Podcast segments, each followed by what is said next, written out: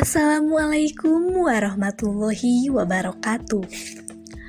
Puji syukur marilah kita panjatkan kepada Allah Subhanahu wa taala atas rahmat berupa kesehatan dan keselamatan. Salawat serta salam semoga tercurah limpahkan kepada junjunan alam yakni Nabi Muhammad Sallallahu Alaihi Wasallam. Perkenalkan, kami dari kelompok 8 yang beranggotakan Anissa Amalia Yusuf, Lala, dan Putri Ayu Lestari akan memaparkan materi mengenai wacana lisan dan tulis. Sebelumnya, saya ingin mengucapkan terima kasih kepada dosen pengampu mata kuliah Wacana yang telah memberikan kesempatan kepada kelompok 8 untuk memaparkan materinya. Langsung saja, materi yang pertama akan dijelaskan oleh saya sendiri. Pengertian wacana. Istilah wacana berasal dari bahasa Sangsakerta yang berarti ucapan atau tuturan. Menurut Henry Guntur Tarigan, mengemukakan bahwa wacana adalah satuan bahasa yang paling lengkap lebih tinggi dari klausa dan kalimat, memiliki kohesi dan koherensi yang baik, mempunyai awal dan akhir yang jelas, berkesinambungan, dan dapat disampaikan secara lisan atau tertulis. Dan materi yang kedua akan dijelaskan oleh Anissa Amalia Yusuf. Jenis wacana berdasarkan media penyampaiannya. Yang pertama, wacana tulis. Wacana tulis adalah jenis wacana yang disampaikan melalui tulisan.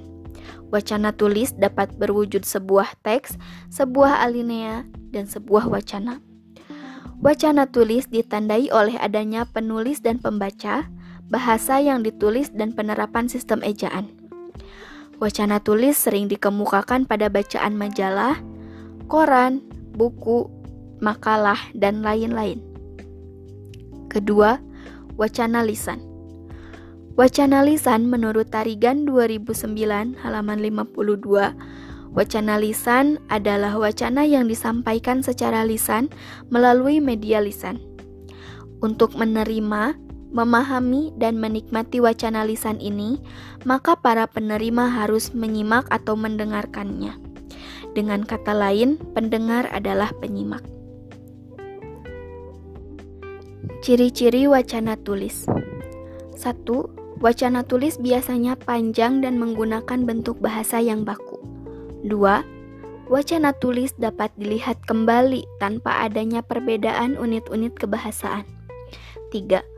Wacana tulis biasanya mempunyai unsur-unsur kebahasaan lengkap atau tidak ada penghilangan bagian-bagian. Kemudian, ciri-ciri wacana lisan.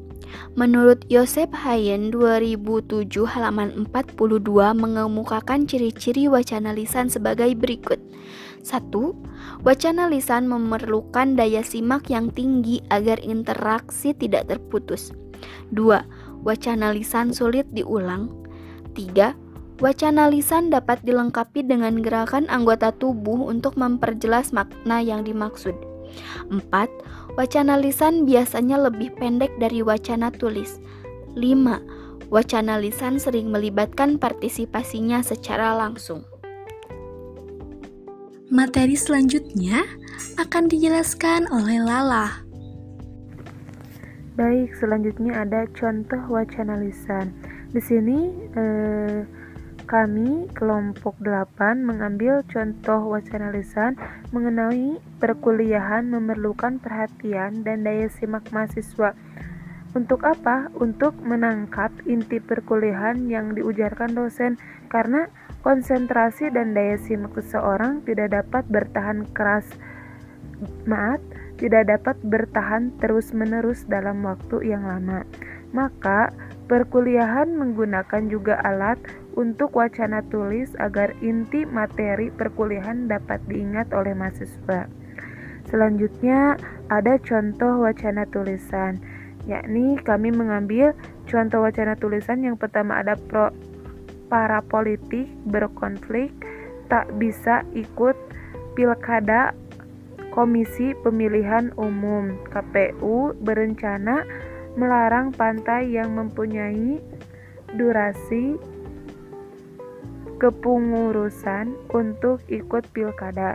Yang kedua ada menurut pakar itu cukup solutif tambahnya. Tinggal bagaimana uh, si DPR untuk menanggapi usul opisi yang diajukan KPU seperti itu e, kurang dan lebihnya mohon maafkan terima kasih Mungkin hanya itu yang dapat kelompok kami sampaikan mengenai materi wacana lisan dan tulis. Mohon maaf apabila masih banyak kekurangan karena kami masih dalam tahap pembelajaran. Wabillahi topik wal hidayah. Wassalamualaikum warahmatullahi wabarakatuh.